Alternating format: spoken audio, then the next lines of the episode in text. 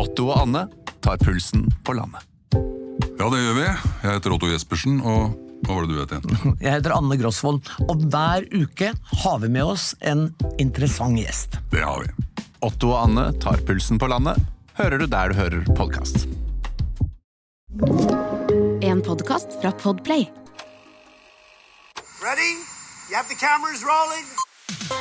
He was hosting boozy parties in Downing Street. Well, when the president does it, that means that it is not illegal. I have a dream. We will win this election and we will change the country together. Kjære alle sammen. Eh, hjertelig velkommen til Det store bildet. Eh, under Arctic Frontiers så handler det om det store bildet. Det handler om store trender i Arktis, sikkerhetspolitikk, klimakrise, naturkrise, men også om vi menneskene som bor her i Arktis. Vi har lyst til å eh, tilby til dere en, en veldig fin samtale om, om, det store bildet i Arktis. Eh, og det er en glede for meg å introdusere Eirik Bergesen, politisk kommentator, tidligere diplomat, og veldig kjent fra en av Norges eh, mest eh, populære podkaster, Det store bildet. Vær så god, Eirik.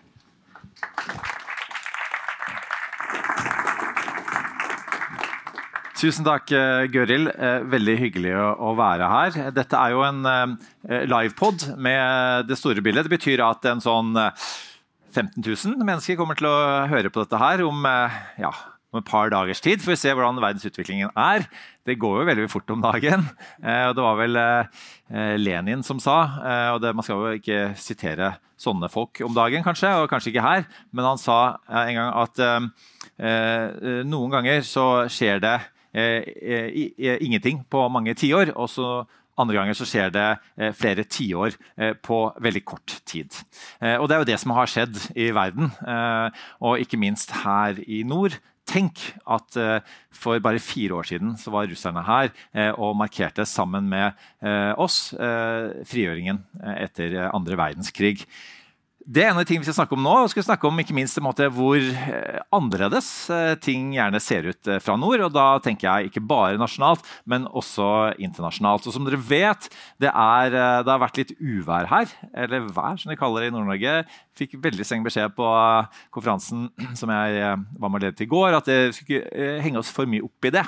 For dette, sånne utfordringer det takler man her i nord. Men det betyr at også dette arrangementet har eh, litt endret eh, sammensetning. Enkelte som ikke kom seg hit og ikke ville komme seg av gårde i tide til det de skulle rekke. Men eh, ganske så godt sammensatt panel allikevel. Så jeg gleder meg veldig til å introdusere de ulike. Så da vil jeg bare, bare be panelet komme og sette seg på scenen og ta dem vel imot. Det er Espen her. Stian der. Karen her.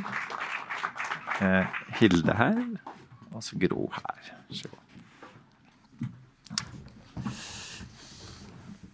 Og det at vi eh, av ulike logistiske årsaker eh, måtte starte eh, ti minutter etter tiden, eh, betyr jo at dere to fikk lov til å ytterligere koordinere den nordiske eh, politikken, og det er et, et, eh, godt, eh, et godt, tegn. Eh, dere er jo sikkert kjent med eh, mange av ansiktene her. Eh, utenriksminister Espen Barth Eide, som jo har veldig, veldig lang erfaring og også vært miljøminister. Og så er det Karen Ellemann, da, som er generalsekretær i Nordisk ministerråd, også vært minister mange ganger i, i Danmark. og Eh, og også, både også miljø eh, for øvrig, og likestilling eh, og sosial innenriks, og som også var lenge da medlem av Folketinget, ble generalsekretær i 1.1. i fjor. Um, og så har vi Hilde Sandvik, som da er som dere i hvert fall kjenner igjen stemmen til. for Det er en podkast som enda flere lytter til enn det store bildet. Nemlig Norsken, svensken og dansken. Mm. Um, som viser jo at dette er jo lar seg popularisere, eh, disse naboforholdene. Det er en eh, stor interesse eh, for det. Også Gro Holm, da, eh, som var så sporty å hive seg rundt. Eh, Russlands korrespondent til vanlig i NRK. Eh, og har vært USA-korrespondent også, det er relevant i denne sammenhengen. og skulle vel egentlig videre i dag, men ved forhindres, så vi er veldig glad for at du kunne være med oss. Eh, eh, og så er det Stian Bones, som er eh, professor her ved UiT, eh, Norges arktiske universitet, eh, i historie, men har som spesialitet utenriks- sikkerhetspolitikk, forholdet til Russland, kald krig, eh, Norge og Norden. Egentlig alt det vi skal snakke om nå. Så vi har et akademisk eh, alibi av det sjeldne. Eh, men altså vi, eh, jeg tenkte vi kunne begynne litt. med, dere var jo eh, nylig eh, på konferansen Arctic Frontiers eh, og snakket eh, begge to. Eh, og eh, Espen, begynner med deg. Det er jo, Nå har jo du vært, vært lenge i norsk utenrikspolitikk, og det har jo endret seg veldig. Jeg ble presentert som tidligere diplomat her. Det begynner å bli en stund siden. Da var nåværende statsminister Johan Gahr Støre en slags sånn mister nordområdene. Det var ikke måte på hva vi skulle oppnå gjennom nordområdene, både av eh, sikkerhetspolitikk, eh, klimaløsninger og, og, og næringsliv osv. Hvor eh, er det vi står i dag i den norske nordområdepolitikken? Nordområdene er like viktig som da, men eh, betingelsene har endret seg. Noen til det verre, og noen faktisk til det bedre. Eh, og det er noen nye muligheter som oppstår, og noen gamle som vi trodde var muligheter, som ikke ble det.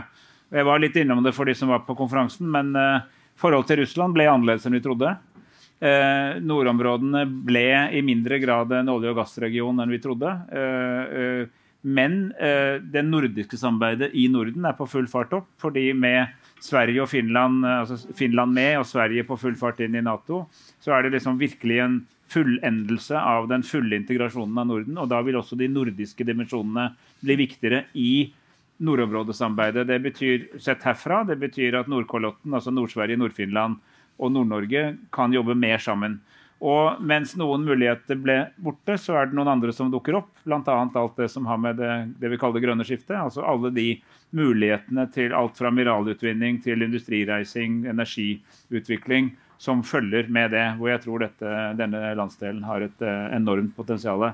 Og det er et potensial som vi utnytter best hvis vi samarbeider godt. Og det siste er jo med raskt frem, altså framvoksende faktiske klimaendringer, så har jo Arktis-området mye å lære verden. Og det merker vi også at det er en økt interesse eh, fra verden av det som skjer her. For det, det som skjer i Arktis, det forblir ikke i Arktis. Det, det vil etter hvert plage alle. Mm. Eh, og, og det, dette vet jo ikke lytterne som, som, sitter rundt omkring i landet nå, med mindre de sitter i Nord-Norge. Eh, på en måte det at det eh, er så mange som kommer hit, eh, og fra, eh, altså fra hele Arktis, som jo, som jo rommer eh, i tillegg til de nordiske landene, USA, Canada og, og, også Russland, som jo er, er jo egentlig halve, halve Arktis. Og så er ikke russerne her nå, men det er veldig mange andre som er her. og og senator Murkowski fra Alaska, som egentlig skulle være med her i dag, men som var med eh, deg på, fra digitalt, eh, understreket nettopp amerikanernes eh, interesse av at eh, ting fungerer her nord. Og Hva, hva tenker du er, er aller viktigst for, for disse altså stormaktene, og spesielt eh, altså de vi samarbeider med, av stormaktene? eh, USA. Lisa Murkowski var riktignok digital denne gang. Hun har vært her mange mange ganger. Ja. Vært veldig flink til å stille opp. eh, Senator fra Alaska. Og har vært en veldig viktig stemme for klok arktispolitikk innad i USA. Som en veldig god bro inn til administrasjonen og, eh, og senatet. eh, Republikaner for- kan vi legge til, ikke sant? Republikaner. Som vel i siste omgang valgte på en uavhengig ticket, for hun ble ikke nominert, men ble valgt likevel. Ja. Fordi hun var så populær, så det var dumt av partiet å droppe henne. Men det er jo kanskje lurt for henne å droppe det partiet også, vil jeg si. Og grunnen til at hun eh, stilte uavhengig, var, var forholdet til Trump. Ja, men, men, men i hvert fall eh, Vi har en klar fellesinteresse med USA og Canada eh, i at man tar vare på det som er bra med nordområdene. En av de tingene som er bra, er at det er egentlig ingen, territorielle, er ingen territorielle disputter igjen. De som var, er løst. Og det er egentlig ingen meningsfylte eh, maritime disputter heller. Altså, til, og med Hans Ø, som var en strid mellom Danmark og Canada, har man nå klart å løse. og Det var vel omtrent den siste. Eh, og Det betyr at dette er i motsetning til Sør-Kina-havet ikke et hav fullt av uklarheter. Eh, og alle de som hauser opp liksom, eh, nye Klondyke og nå er det kamp om ressurser, nei, det er ganske avklart. og Det er, det er noe amerikanerne også verdsetter. Så er regionen her geostrategisk viktig, men av, ikke av arktiske, men av globale grunner. Og Det gjør at det skjer en militarisering liksom, på begge sider eh, fordi Arktis er viktig hvis du skulle ha en konfrontasjon mellom øst og vest. Men det er liksom ikke et arktisk fenomen som sådan. Det bare skjer her, og derfor må vi følge med på det. Ja, Amerikanerne sa jo også eh, på dette møtet digitalt at eh, det blir mer Nato i nord. og Det er bl.a. Med, med Sverige og, Finland som kommer inn i, i Nato. Men, men Karen, eh, eh det nordiske samarbeidet, eh, viktigheten av det. Eh, hvor, på hvilken måte ligner det vi gjør i Norge i forhold til nord? på, på Sverige og, og, og, Danmark, som er litt annerledes igjen geografisk enn det vi er? Ah, så annerledes er vi ikke. Og unnskyld, jeg taler jo dansk, men jeg skal forsøke å tale langsomt og tydelig, så, så alle kan forstå det. Altså, øh, vi har jo vist gjennom mer enn 50 år, at, øh, at det her samarbeidet, det fungerer, og det leverer.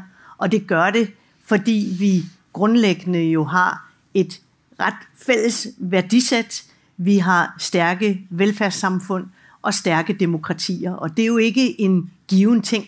Det kan vi ikke tage for givet. Og derfor så, øh, så er det i høj grad øh, vigtigt at, at dyrke og, og jo også støtte, at vi har den form for, for nordisk samarbejde, som vi har.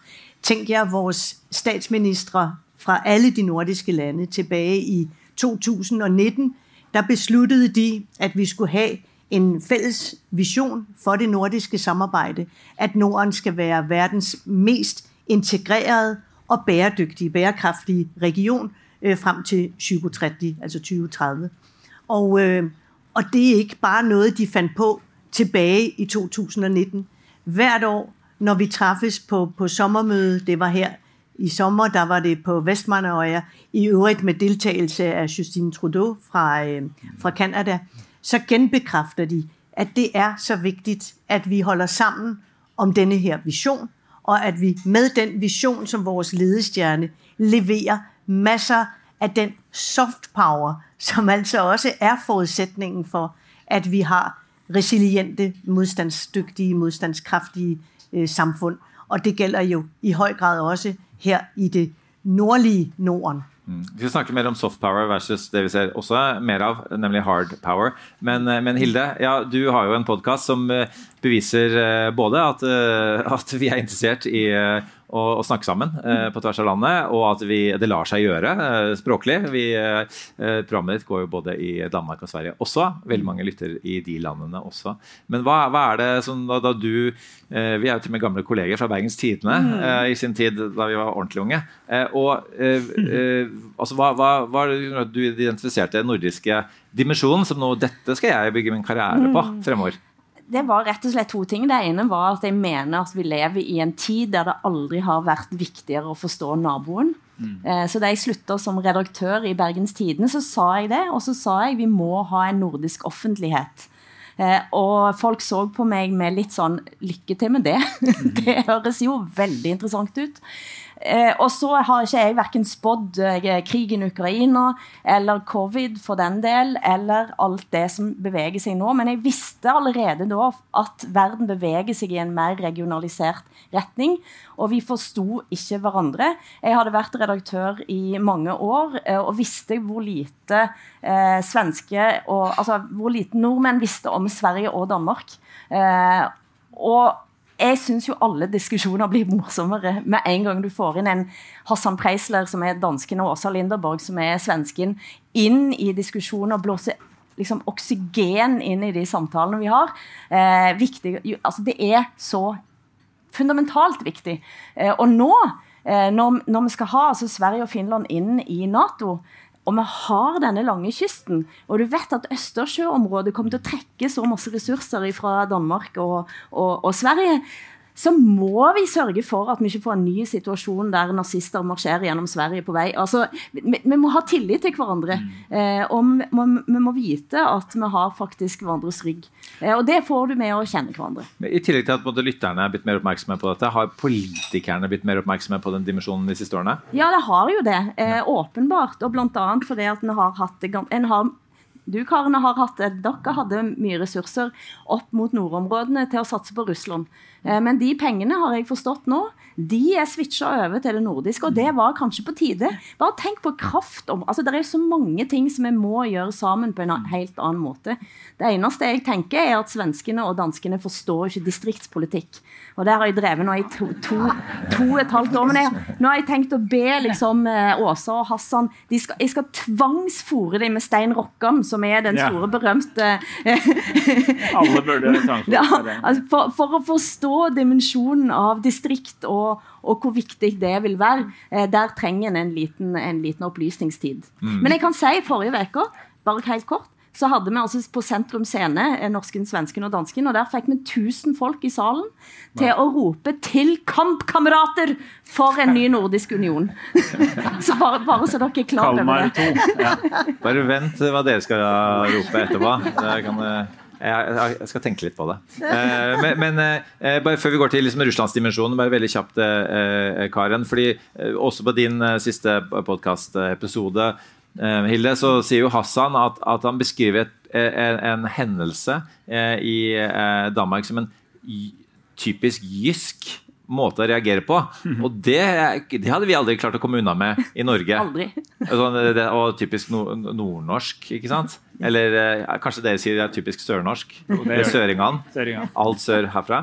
Men, eh, men bare kort, eh, Karen. Det, det, at dere har gjort litt endringer, som, som Hilde sier, på, på måten dere prioriterer på Men, internt. men jeg, jeg tror, grunnen til, at, at sånn en, en, en, en hård karakteristikk som, som Hassan så kommer med, det er jo, at jeg vet jo godt, at danskerne i det nordiske samarbejde bliver set på som barbarerne.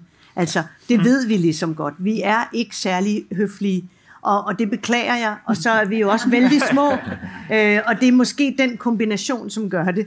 Men, øh, men det ændrer jo ikke på, at du har jo en utrolig vigtig pointe i forhold til øh, det kendskab, og I, I kender sikkert alle til den her stærke foreningen Norden, som øh, jo er, har en utrolig højt medlemstal i alle vores nordiske lande. Og hele mottoet for foreningerne Norden, som, som jo er civilsamfundet, når det er bedst, mottoet er kendskab øh, skaber venskab. Og derfor så, øh, så er der ingen tvivl om, at, at Nordens tid er nu. Øh, det er en golden age, og det er også en kæmpe forpligtelse rent faktisk at kunne levere på, at vi er integreret, at vi interesserer os for hinanden, at vi også vender os øh, altså mod hinanden, altså mod hinanden i positiv Mm. forstand, for, for, for samarbejde og for forståelse af, hvilken, hvilken kraft er vi som region i verden. Altså vi er til sammen verdens 11. største økonomi. Det er jo, øh, det er jo ret, øh, ret vigtige stemmer og en veldig viktig kraft øh, set i verden. Eh, Vi skal må litt videre på, på Russland eh, og Gro. Altså, eh, etter murens fall og fram til Russlands invasjon av Ukraina, så skjedde det også veldig mye i nordområdene opp mot Russland, som er, det da den, som er halve Arktis. Og det var et utstrakt samarbeid, det var folk til folk, det var næringsliv, det var sikkerhetspolitikk osv. Og så ble det brått helt slutt på det. Eh, tilliten forsvant. Eh, og det som er igjen, er en type sånn informasjonsutveksling. Eh, men altså, vi vet alle på en måte hvor eh, hvilken situasjon vi er i nå, men på en måte kan du si litt om på måte, hva, hva var det vi mista da, da på en måte eh, det bruddet med Russland skjedde?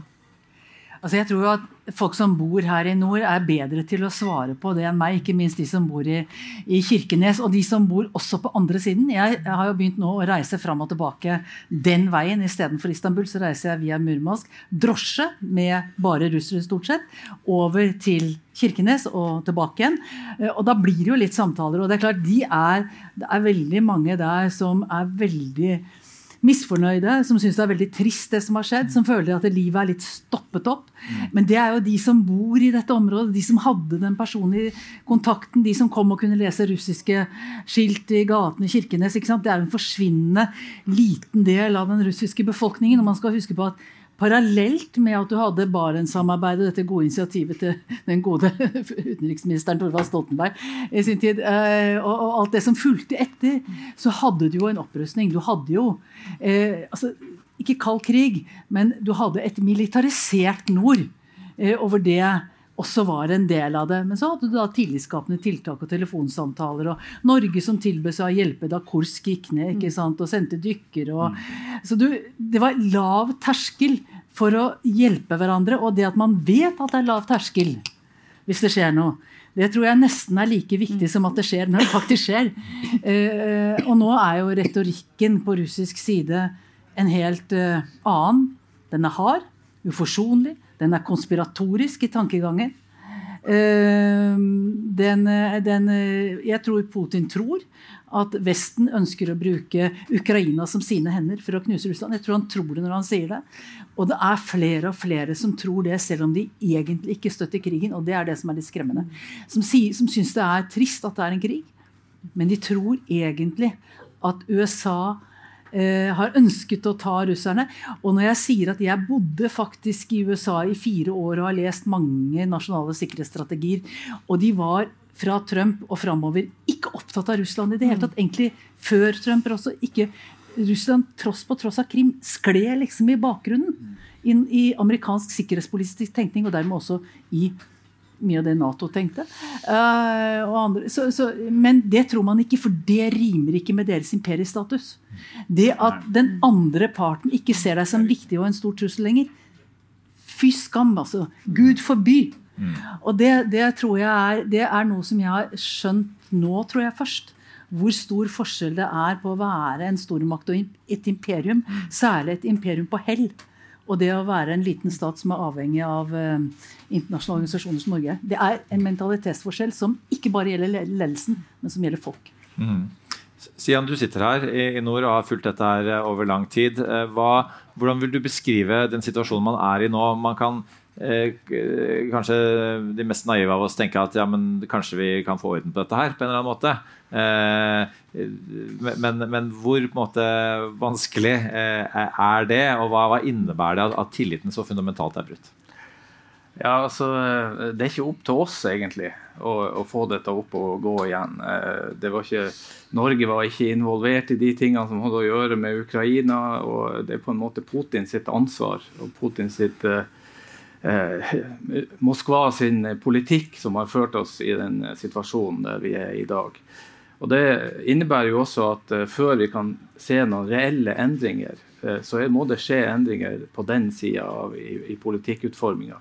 Det er forsvinnende lite, tenker jeg, vi, vi kan gjøre å måte fra vår posisjon. Eh, vi, eh, allikevel har jo Norge en, en plass i, i, dette bildet, om en, en liten plass. Eh, men det er jo tydelig fra Moskvas tenkning at, og, og, og, mer og mer etter hvert som fiendebildet har bygd seg opp i, mot vest i løpet av de senere år, at Norge igjen blir plassert som en sånn brikke på vestlig side. Og et fiendebilde sperres opp når det gjelder Europa, men også Arktis. I Arktis er det jo spesielt USA, sett fra, sett fra, Kreml, som er den store, stygge ulven. Uh, på russisk side så framstiller man seg sjøl egentlig som den som, uh, som vil ha ei fredelig utvikling i Arktis.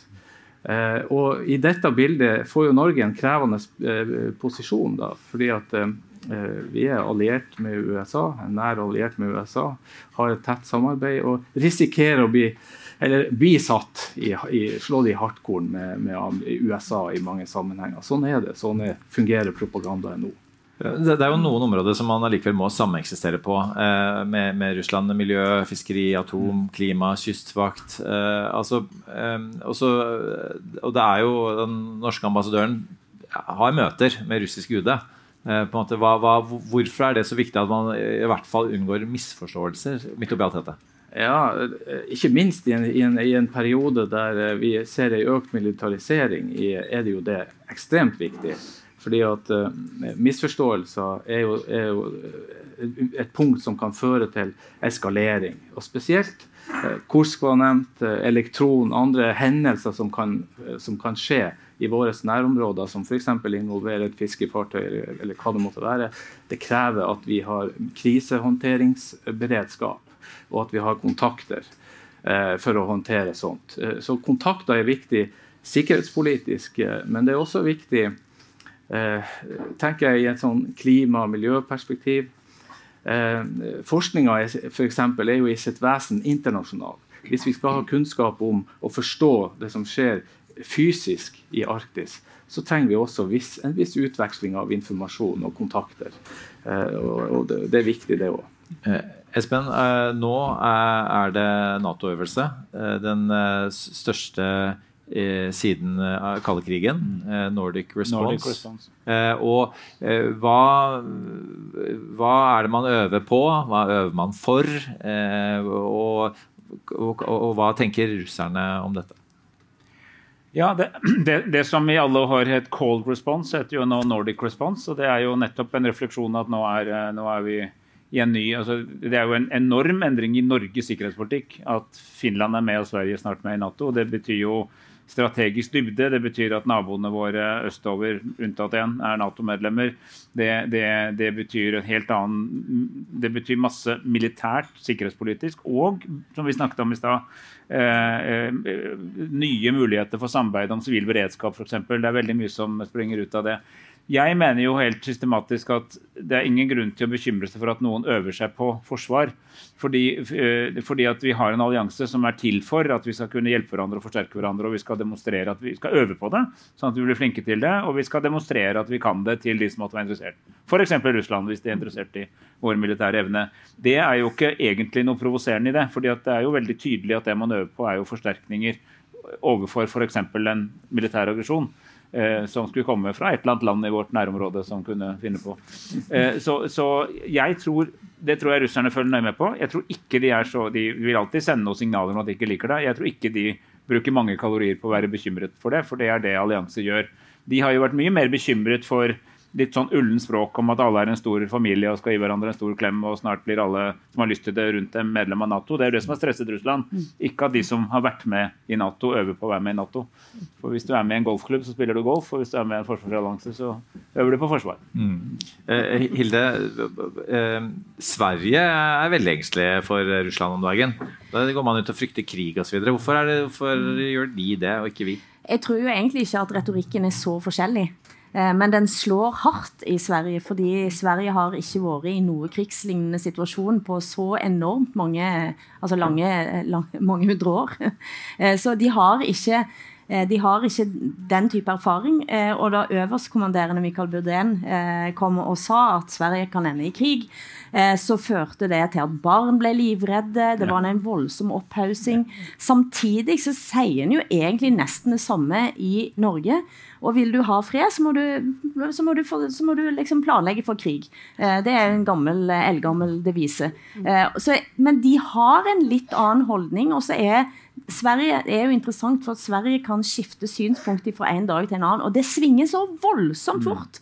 Altså Det er sånn helt mot Nato, helt for Nato. Altså Det skjer på kanskje ett døgn. Uh, og det er jo klart at mentalt så er, uker, så er det veldig krevende. Hæ? Det tok noen uker, da. Men, ja, ja, men, altså, ja. men for, for de som altså det, er, det, er, det, er, det, er no, det er noe litt sånn sven, svensk i det. Da tenker jeg, altså, Kanskje ikke, kanskje det hadde vært sånn i Norge òg. Men det er jo hvis jeg får lov, det er også til forsvar for både Sverige og Finland, det er jo også egentlig et uttrykk for at man skjønte, altså du skjønner at historien har endret seg helt grunnleggende. ikke sant? Det, det, var jo en grunn til at Sverige opplevde at det var fornuftig å være alliansefritt. Mm. Det var jo ikke liksom fiks idé, det var jo basert på flere hundre års erfaring. Eh, og så skjer det en grunnleggende forandring i betingelsene. Og da er det noe med at da er lederskap å se at dette er så forskjellig at nå mm. gjør vi det annerledes. Mm. Og det, er bare, og det må jeg si, det er, altså, det er sosialdemokratisk regjering i Sverige med noen allierte, grønn sosialdemokratisk regjering i Finland, som altså på veldig kort tid snudde opp ned mm. Eh, på noe vi hadde trodd skulle ta mye mer tid. Det er rett og slett at man ser mulighetene. Litt som Helmut Kohl skjønte at nå er det på tide å samle Tyskland, for nå går det an. Mm. Så det er den type å skjønne historien. Så, og da vil jeg egentlig berømme dem for at de skjønte det og tok konsekvensen av det. Fikk med seg folk. Åpnet du for ny EU-debatt nå, eh, Espen? Nei, jeg gjorde ikke det. Men det kan jo du mene hvis du vil. Ja.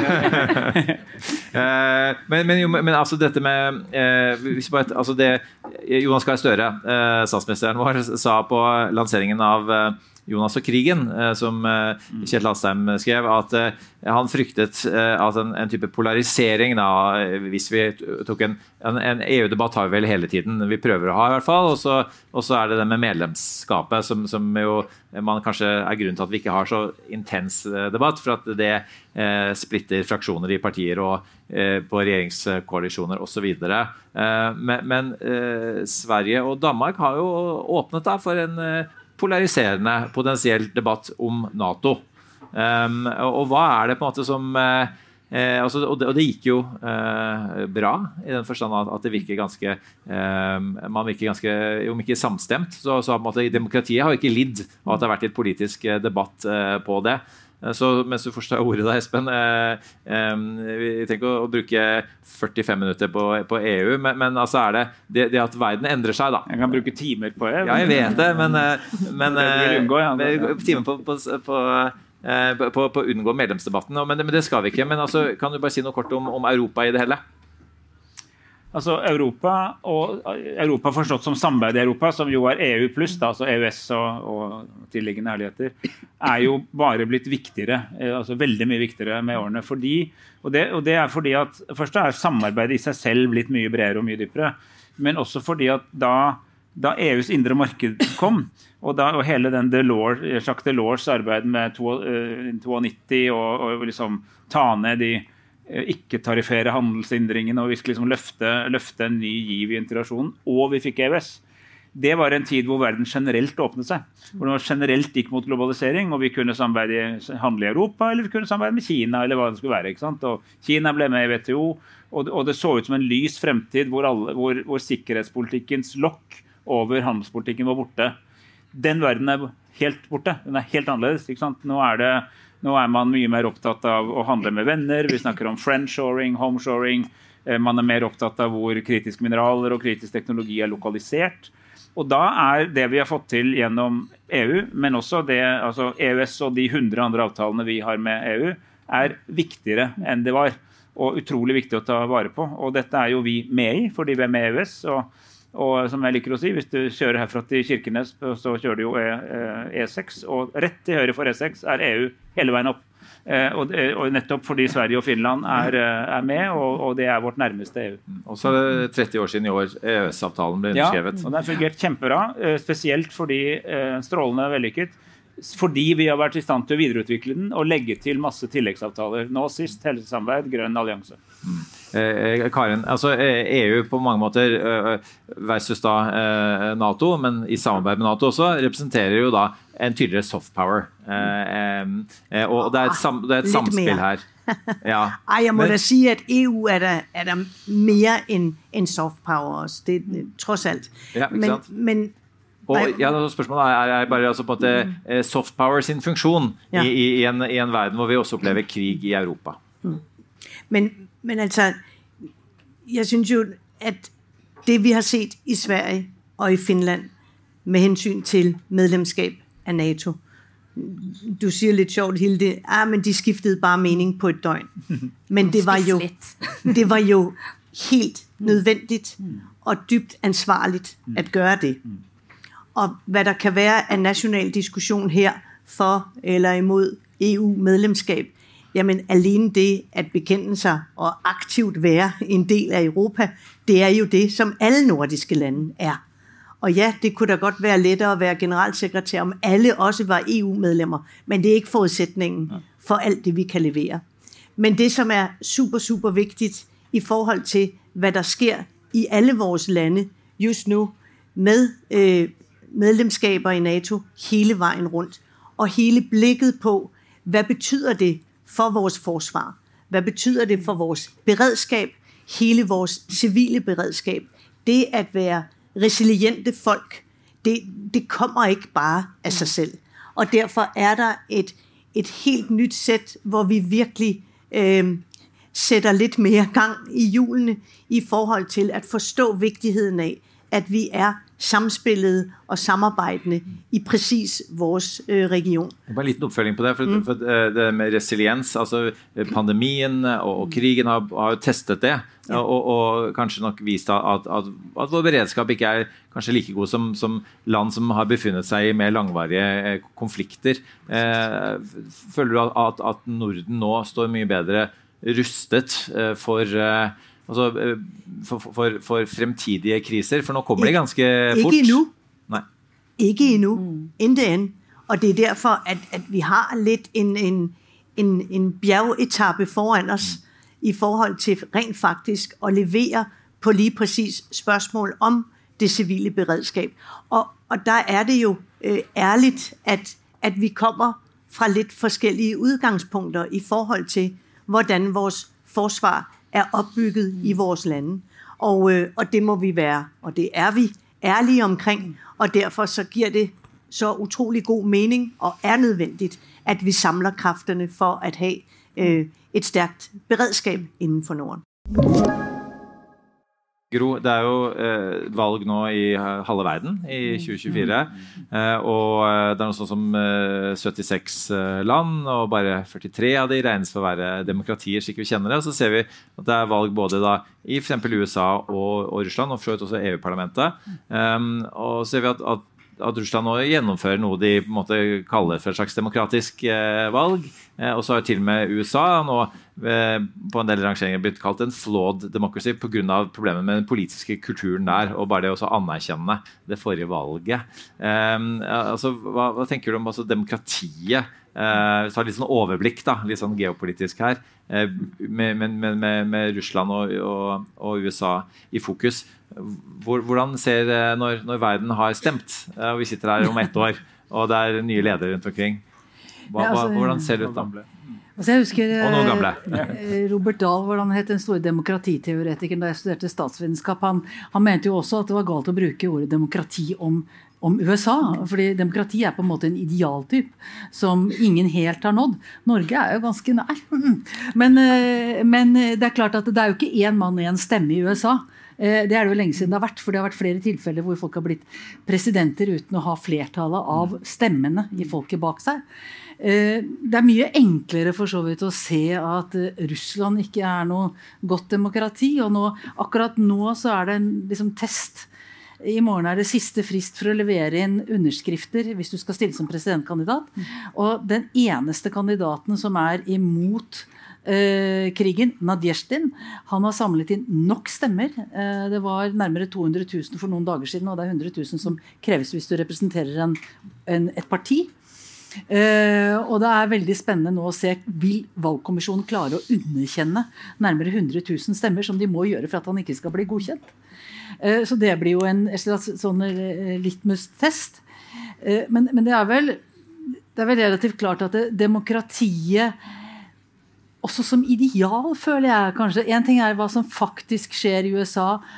Manipulering av stemmekretser, i gerrymandering, alt dette, hva som skjer i, i, eh, i, Russland og andre steder som åpenbart er i beste fall styrte demokratier, bare med institusjoner på en måte på papiret. Eh, så, så er det jo at eh, demokrati som ideal tror jeg mister. Jeg tror de er på vikende front. Altså ikke sånn veldig stort og dramatisk, men det er så mange problemer knyttet til demokratier. Og også mange syns at det er for lite effektivt. ikke sant? Det er mange som er fornøyd, mange mennesker er fornøyd med ikke å ha demokrati. Og jeg har spurt mange russere som jeg anser som veldig også uh, oppegående, fornuftige folk. altså de, Er du ikke villig til å gå, liksom, protestere eller gjøre noe sammen med andre for å forsvare liksom, demokratiske rettigheter? Og så spør de hva skal vi med det, liksom? Får vi til noe med det? Og det er selvfølgelig mange som ikke tenker sånn. Altså Det er 20% i Russland som relativt konsekvent er imot krigen og er kritisk til Putin. Det er, over, det er 25 millioner mennesker eller noe sånt, voksne. Så man skal huske det. Men de, vi hører dem ikke. Men kjapp oppfølging. Hvis man ser for seg en, en, en annen kandidat enn en Putin, eller noe skulle inntreffe med Putin og noen andre skulle overta, eh, som ikke det var via et valg, eh, eh, vil Russland endre seg noe særlig, egentlig? Eller er det, er den politiske kulturen eh, eh det Putin uttrykker? Nå er det, jeg tror at det flerte, når, når, jeg har også skrevet at jeg tror at Putin ville vinne uten valgfusk eller manipulasjon, inkludert TV-manipulasjon, så mener jeg det er liksom stemningen nå. Men vi så jo hvor fort ting endret seg under Gorbatsjov. Man skal ikke glemme det. det var, hvis Gorbatsjov hadde fått til det han på en måte tror jeg ønsket, i hvert fall det han også sa etterpå at han egentlig prøvde å få til, det, det, var, en, det var jo en vei som da ble brutt pga. kaoset under Jeltsin og, og, og reaksjonen, og så kom Putin. Men, men, men, det kan fort endre seg. Eh, og det er jo et ekstremt toppstyrt det var jo også Gorbatsjov, så var jo reformer ovenfra, ikke nedenfra. Eh, og det kan jo endre seg igjen, men jeg ser ikke noe tegn til at det skjer nå. Man skal aldri si aldri. Eh, Stian, akkurat den perioden som Gro beskriver nå, hvor, hvor, Jeltsin eh, kommer inn. Og ja, det var mye, ikke minst med økonomien videre, som, som var, var, kaotisk. Men, men, de liberale ideene eh, levde på en måte som gjorde at eh, mange i Vesten eh, fant tillit til at oi, her er det faktisk mulig å gjøre noe. Eh, og så vil også legge til den arabiske våren også, hvor man plutselig fikk et oppsving i, i eh, liberale ideer. og som og på, samme måte hatt en tilbakegang nå.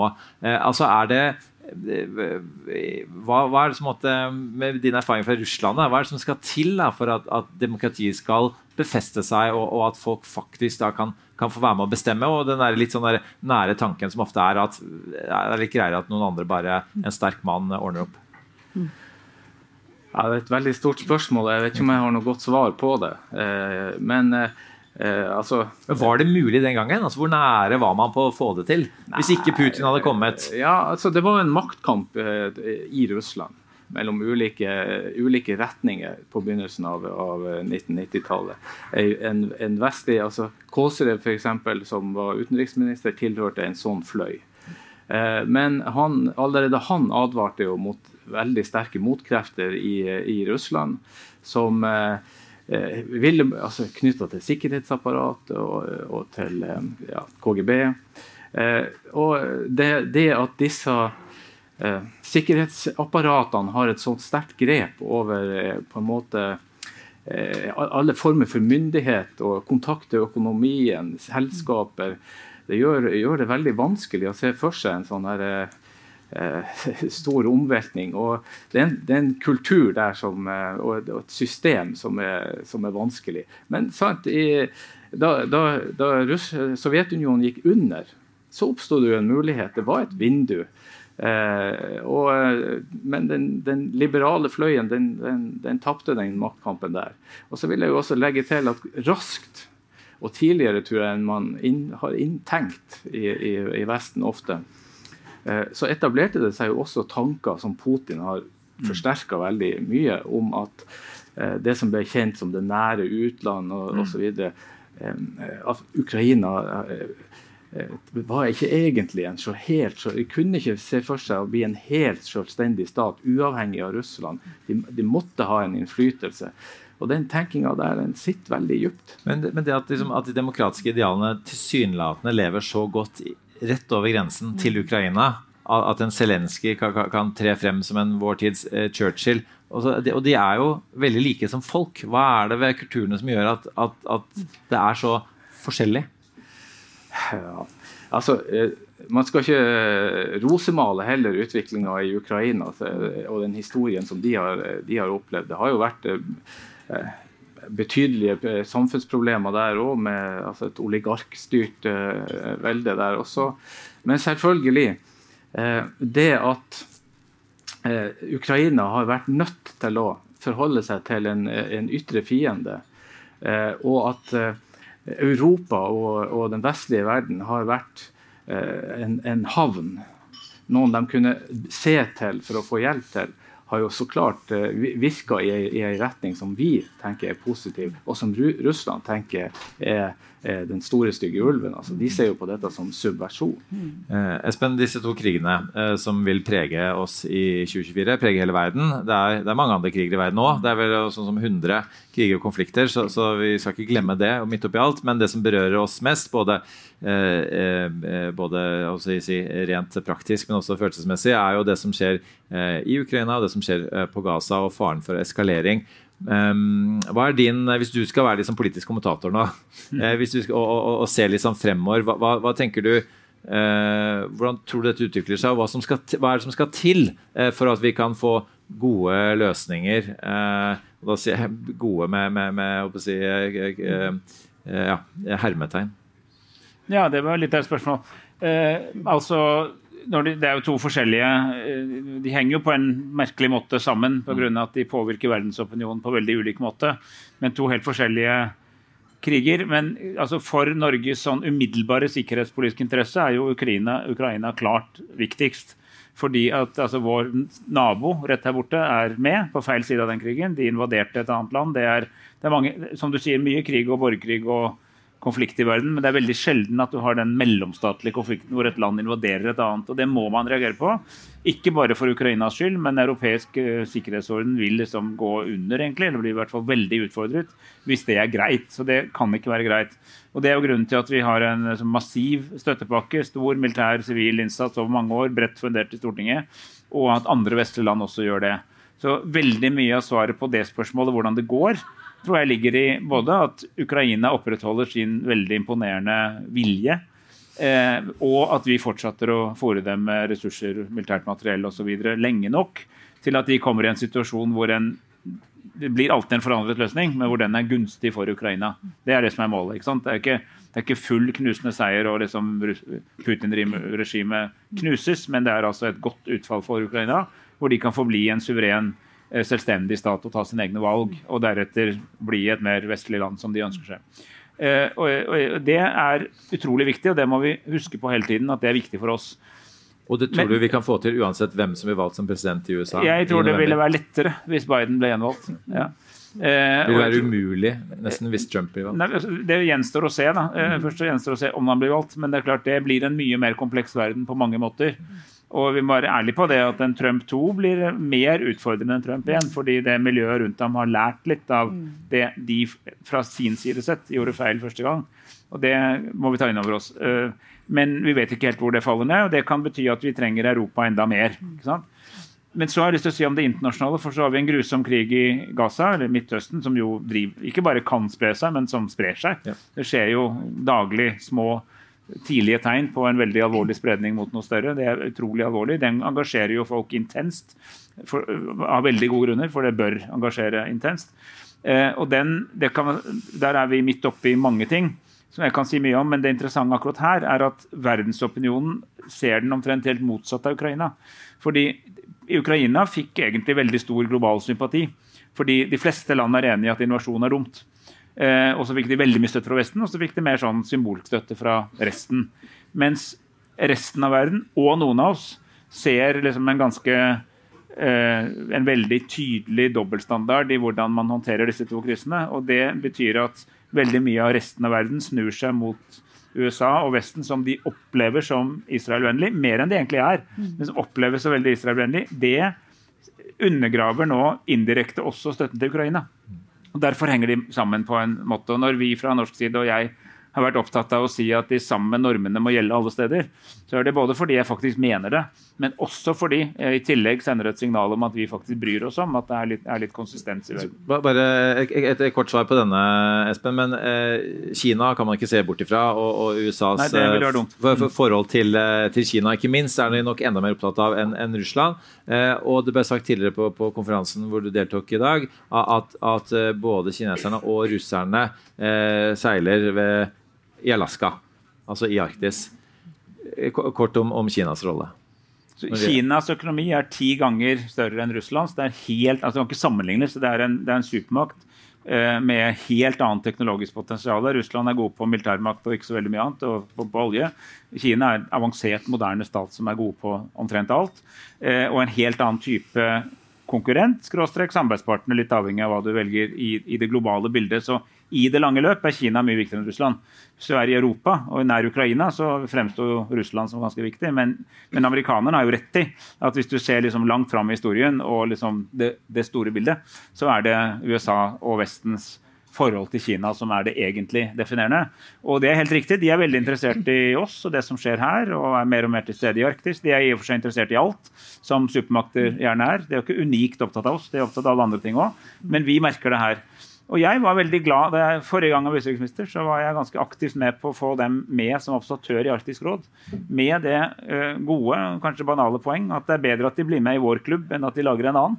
Og det mener jeg fortsatt. Så så lenge de gjør det på de premissene vi har lagt, og samarbeider, så er de egentlig velkommen til å være her. Et av de truslene mot, som, Kina og Russland representerer for oss, er kritisk infrastruktur. Avhengigheten av olje og gass når det gjelder Russland, og avhengigheten av, av, av chipene som er disse gjenstandene foran oss, som, som Kina har.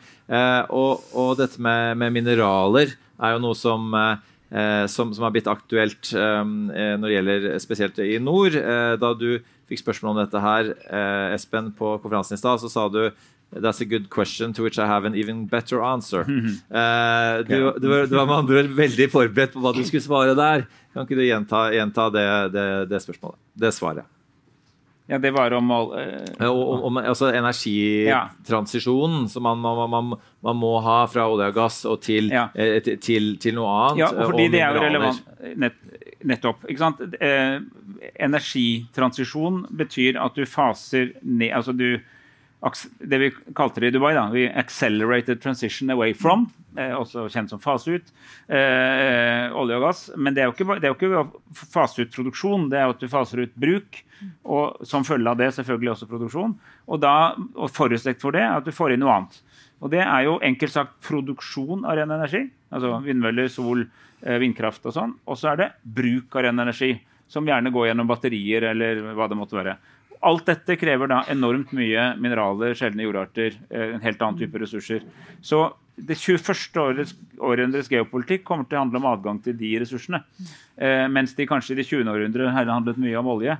Og, og, og, de er heller ikke likelig fordelt. Eh, og, derfor, og, det er et globalt eh, utsagn.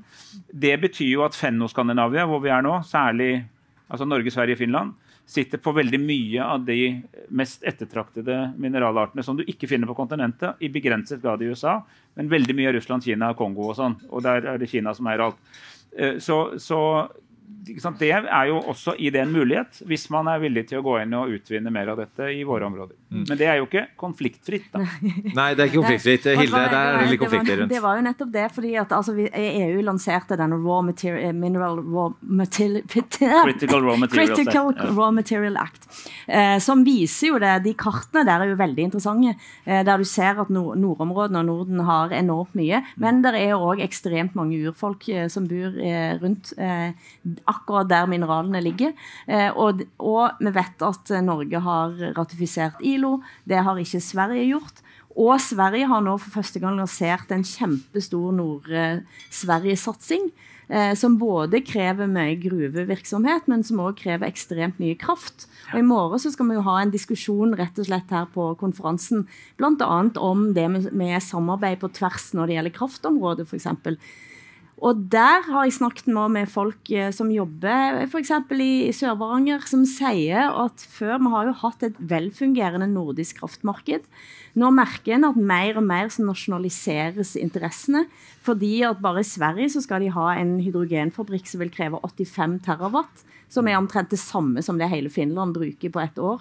Og hvis du skal klare det, og samtidig fòre liksom området rundt, og vi kobler på en europeisk eh, kraftbørs, eh, så er det veldig mange spørsmål som diskuteres nå veldig internt i våre egne land, eh, og som ikke flyter over. Og det tenker jeg at det er helt åpenbart at der må en begynne å snakke ja. sammen. Karin, Karen, hva tenker du om det? Altså, de, de, det som, den type nasjonalisering vi ser på akkurat disse feltene? Ja. Og det, det er helt riktig at det ikke er ukomplisert. Men det at sige, at nu må vi begynde at tale om det, mm. det har vi heldigvis gjort længe. Og, og det er helt klart, at det er forudsætningen for, at vi kan øh, lykkes med det grønne skifte. Og, øh, og det vi kan, når vi præcis leverer de steder, hvor vi sætter os ned og taler sammen, det er jo, at vi, at vi sikrer, at vi rent faktisk får afprøvet masser af teknologier og mm. haft diskussionerne om råstofferne og mineralerne osv. Vi har i dag et fuldt integreret nordisk mm. elmarked. Og det er jo ikke bare kommet fordi nogen et sted fik en god idé eller var nationalistiske. Det er jo netop øh, kommet i, ja, du kan sige ud af samarbejdets ånd, mm. men jo også, at vi vedvarende investerer utrolig høje summer mm. i forskning og i afprøvning af teknologier. Så, øh, så det kan godt være, at man ja, til at starte med måske kan opleve en vis form for, for nationalisme i forhold til, hvad man har af værdier. Mm. Men øh, man kan jo også godt se det store billede. Mm. Og, og, og der er, øh, synes jeg, blandt, øh, når både, nu, har Esben jo også siddet med som, som klimaminister, når, når man samles i den, i den nordiske familie der, så er der en, en stor appetit på nettopp at få få afprøvet og på at, at, at samarbejde og udvikle det. Vi, må komme inn for landing. og uh, denne Tittelen uh, på, på, denne seansen her er jo det store bildet sett fra nord om geopolitikk, samarbeid og hverdagsliv i Arktis. Og Det er jo lett å glemme hverdagslivet uh, når man snakker om sånne store ting som demokrati og krig og osv. Um, og, og, det er klart at uh, I min tid Espen, i UD så snakket vi om sånn herre Vi, vi um, tenker globalt, men handler lokalt. Mm. Eh, og sånn er det jo. Eh, og, og, og Karen Jeg er ikke sikker på UD som fant opp det. Men det er godt sagt. I disse plagiattider så lurer jeg på om de stjal det uten å kreditere det. Men, det, men det, er jo, det er jo såpass godt at det tenker jeg det kommer man unna med. Jeg tror eh, Universitetet i nord hadde godkjent det. Men vi, altså Eh, Karin, du, du sa, det, sa, det, fint eh, på, på, den, på den eh, konferansen tidligere i dag, av dette med at eh, folk forventer trygge, eh, en trygg tilværelse eh, mm. og en spennende tilværelse. Mm -hmm. hva, hva, legger du i, i det? Nå, men Spesifikt når vi ser på det, nord, altså. det, det, nordlige Norden, som jo er her, så er det da avgjørende vigtigt at der også bliver investeret i, at man kan leve, som jeg siger, spændende, trygge liv. Og det handler ikke bare om, at der er et job. Det handler også om, at der er mulighed for gode skoler og god uddannelse, gode fritidsaktiviteter, kulturtilbud og alt det, som, som jo øh, gør, gør helheden i livet. Fordi som jeg siger, den vigtigste ressource, vi har i alle de her diskussioner, selvom vi taler om mineraler og, og råstoffer osv., så, videre, så er den vigtigste ressource menneske. Mm. Altså mennesket, som, som bor her øh, i regionen, mennesket, som bor i, i vores nordiske lande. Og, og det, det er jo forudsætningen for, at, at alt det andet kan lykkes. Så derfor er masser af soft power initiativer afgørende vigtige, øh, både specifikt i regionen her, og jo når vi taler øh, det nordlige Norden, øh, og, og det er det jo i og for sig øh, hele vejen rundt. Men altså specifikt at sige, alt det, som er muligt her, det er kun muligt, hvis der er folk, som ønsker at forblive her, og også komme, altså, der må godt komme lidt flere. Ikke? Ja. Så, øh, så derfor, øh, derfor må vi også kunne prioritere det. Mm. Jeg tror Putin kunne sagt omtrent det samme mm. om eh, russiske nordområder. fordi Hvis du ser på eh, hva som er i den russiske utenrikspolitiske strategien eh, Den største trusselen mot russisk sikkerhet, det er avfolkning. Mm. Den kommer som nummer én. Som nummer to kommer manglende infrastruktur og sosiale støtteordninger eh, i nord. Eh, og som nummer tre kommer internasjonalt militært nærvær.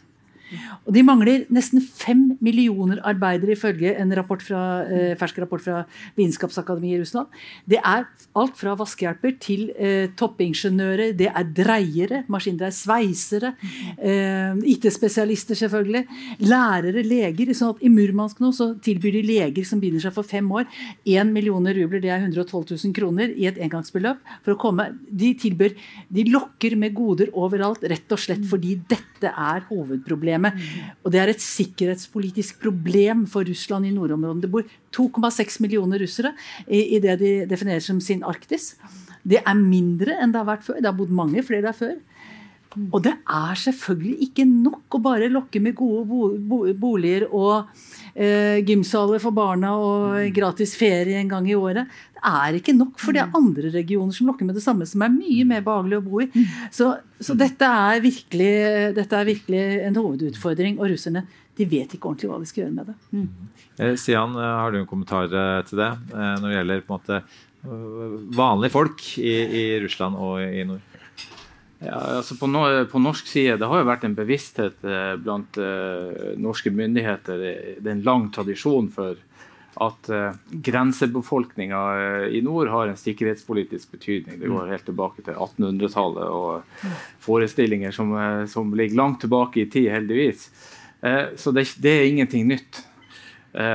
sånn var det også under den kalde krigen. Og, og ofte under den kalde krigen var det også sånn at Eh, stormakter gjerne så på denne grensebefolkninga som litt mer utsatt for påvirkning. Det, det gjaldt Russland, eller daværende Sovjetunionen, mente at her var det en viss grobunn.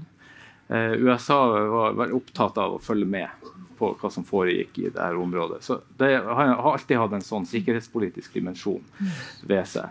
Så tror jeg når det gjelder eh, investeringer og sånt, det er klart at uh, alle norske politikere skjønner jo at uh, det er viktig med å ha et differensiert tilbud. Investere, at staten investerer og er aktiv og drivende.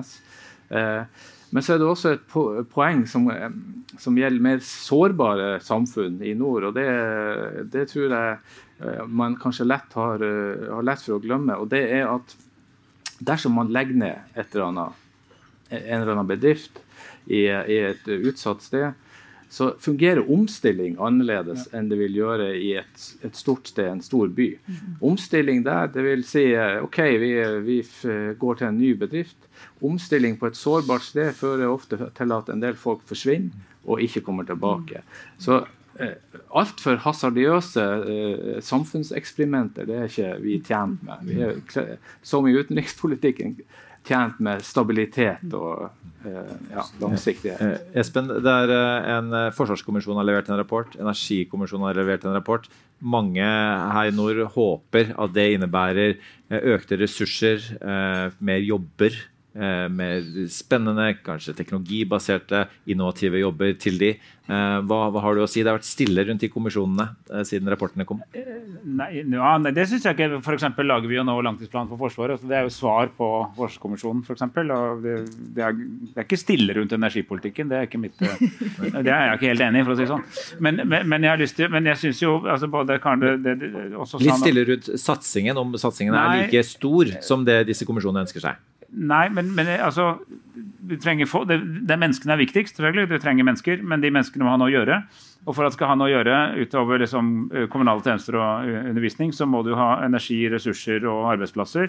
Og, krever, og, og, der jo, og, der kommer vi tilbake til Norden og EU, egentlig. fordi Nå sjekket jeg akkurat nå, bare for å være sikker på det, men sant, nå er vi i NO4. Eh, og rett ved siden av ligger SE1. Nå går strømmen fra SE1 altså vi snakker strøm, fra SE1 til NO4. Derfor er det altså 23 øre, som vi søringer syns er en fin pris. Eh, men dere sikkert syns er dyrt. Men det, det, er jo fordi det nordiske samarbeidet som er funnet opp i Norden, fungerer. Eh, og, og nettopp pga. de bekymringene så er det utrolig bra og helt avgjørende for oss at vi har et regelbasert etablert system som gjør at svenskene faktisk skal sende den strømmen til oss. Hvis det er overskudd i Sverige og mindre i Norge, så skal det fungere. Det, det er ikke noe EU fant på, det er noe Norden fant på. Eh, og så etter hvert har EU kooptert det. Dette er EU-tilpasning, for EU har tilpasset seg til Norden. altså Man har lært av det nordiske systemet og, og, og gjør at dette er regelbasert og grunnleggende. Det er sånn som er sånne kjedelige ting som er ekstremt viktig for utvikling. At du har orden på dette og system på dette. Og jeg mener, at, jeg, tror, jeg mener med hånden på hjertet at eh, Nord-Norge, Nord-Sverige og Nord-Finland har et enormt potensial for å, bli, eh, for å få mye mer befolkning, mye mer verdiskapning. Men man må ta noen vanskelige debatter om arealbruk, og de er jo fryktelig vanskelige. Det er, det er jo ikke, noe, det er ikke tull. altså Jeg skjønner at de er vanskelige, jeg skjønner begge syn. Men du tørre å ta debattene Du må få ren energi for staten fossile, det krever areal.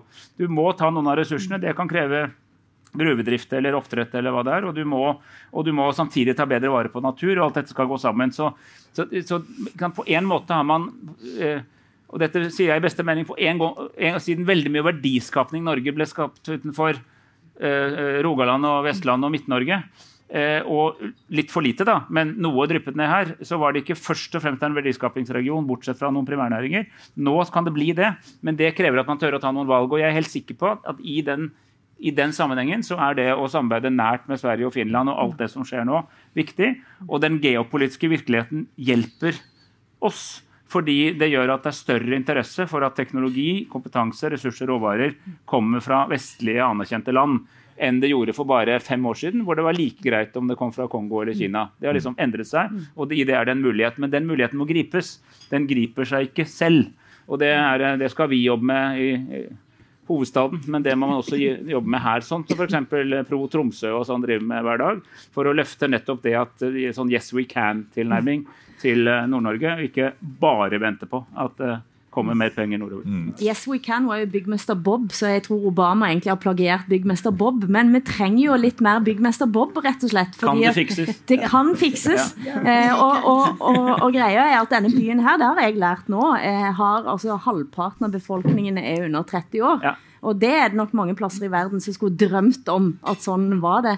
Og jeg tenker at vi har jo tross alt en enorm mulighet i Norden eh, som store deler av verden ikke har. Og av og til så synker vi ned i noen depresjoner som er sånn sutrete. Det må vi slutte med. Og sentrum og periferi må møtes, ikke sant, eh, Hilde? Keep on rock on in the free world. Ja, det, var, det var ikke jeg som fant på. Eh, det var på noe særlig nachspiel på Sampol på 90-tallet, Hilde. Hvor kanskje du også var. Alle nachspiel på Sampol, sa jeg. og med, med det Vi kunne holdt på mye lenger, selvfølgelig, men det er derfor det er en konferanse her som varer i mange flere dager. Så til dere som er, er i salen, fortsatt eh, god konferanse. Og tusen takk for at dere kom, og ikke minst eh, tusen takk til det flotte panelet vårt. Gi en eh, applaus til alle sammen. Du har hørt en podkast fra Podplay. En enklere måte å høre podkast på. Last ned appen Podplay, eller se podplay.no.